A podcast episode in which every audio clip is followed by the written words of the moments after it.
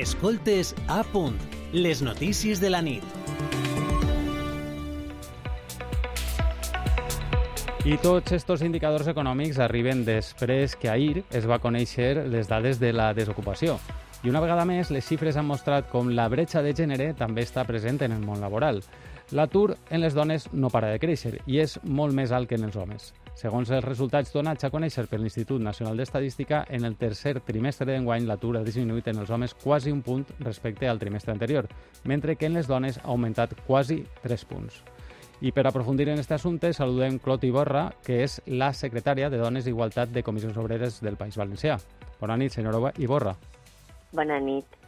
Quan parlem de la dificultat d'integració de les dones en el mercat laboral, estem parlant d'un problema cronificat, com estem veient en, en les dades? Sí, malauradament sí. Nosaltres tots els anys elaborem informes sobre la situació sociolaboral de les dones al País Valencià que traguem al voltant del 8 de març i constatem cada any, any rere any, que les dones són les reines de la precarietat. Són les dones les que encapçalen la tassa d'atur, la tassa d'inactivitat, les taxes de temporalitat. Malauradament és crònic. I a més, aquestes últimes dades mostren que la major pèrdua de treball s'ha produït en el sector dels serveis, que és on més dones treballen. Exactament. En el nostre mercat de treball, el mercat de treball valencià, el sector serveis té un gran pes. Estem parlant d'un 73% de les persones ocupades estarien treballant aquí. I és un sector altament feminitzat. I el que hem vist, aterrant en les últimes dades, que, que són així cridaneres, és que en els darrers tres mesos s'han destruït 8.000 llocs de treball ocupats per dones.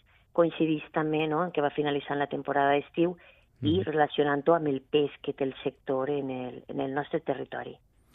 I si parlem d'edats, de, eh, és l'edat un entrebanc? Perquè la major part de les noves dones aturades tenen entre 25 i 34 anys. Sí que és l'edat un entrebanc, que al final ja no saps què pensar. Les majors tenen dificultats per incorporar-se per ser majors i les joves per ser joves.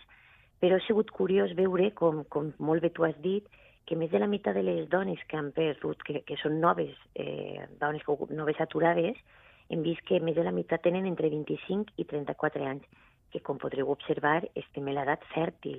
I nosaltres sabem i constatem per aquests mm. estudis que fem que és, eh, és una edat complicada per accedir al mercat de treball i per a permanèixer.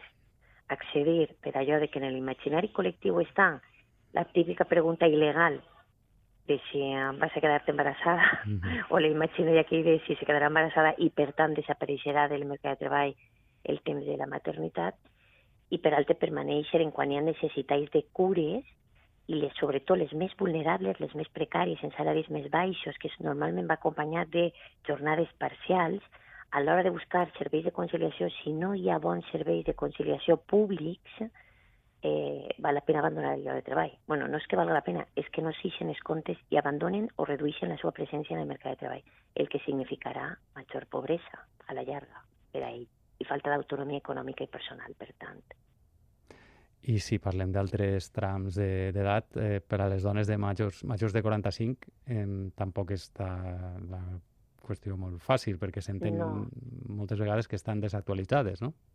Exactament.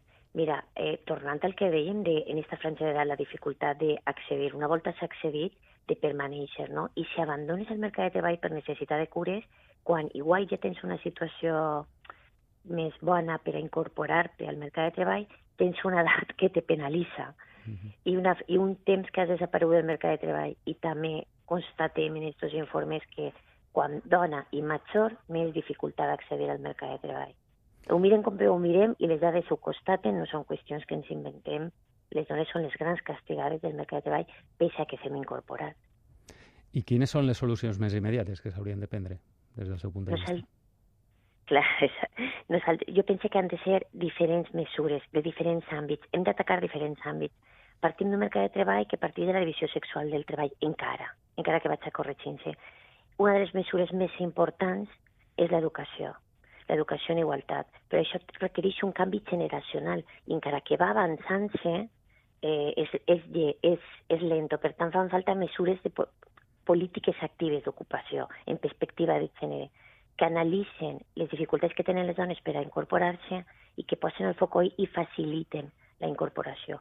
N'hi ha, n'hi ha algunes i algunes estan sent efectives, però no prou. Per tant, faria falta una revisió i sobretot, sobretot, i si em permetiu i no vull allargar-me més, en conciliació.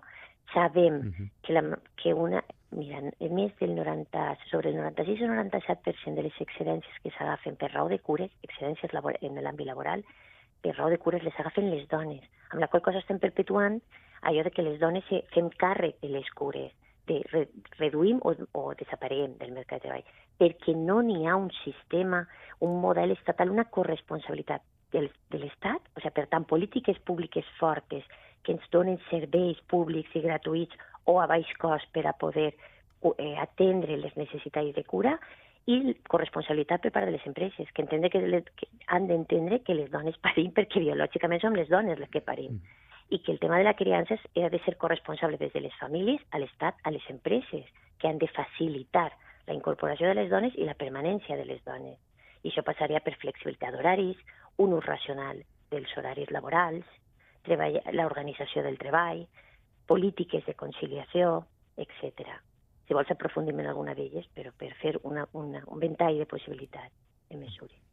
Sí, sobretot en el tema de, de la conciliació, no? perquè estem veient que la major part, com hem dit abans, no? de les noves dones aturades tenen, com, com ha apuntat vostè abans, un, estan en edat fèrtil. No? Aleshores, sí.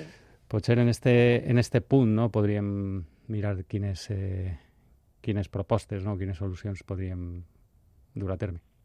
Clar, jo incidiria i aprofundiria en, en primer, en garantir, en treballar per l'accés en treballar el canvi de cultura, el canvi de mentalitat. O sigui, no s'ha de castigar a una dona simplement pel fet de la possibilitat de la maternitat i després que quan les dones s'incorporen al mercat de treball s'ha de facilitar el fet de la maternitat perquè és el fet de la vida, de que les societats continuen i se perpetuen.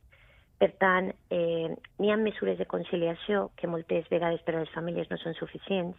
La reducció de jornada va acompanyada d'una reducció de salari i, i això afecta finalment, o sigui, afecta el que, el que parlem a vegades de la bretxa salarial, que és superior al 23%, però que és superior al 34% en quan arribem a la bretxa de les pensions.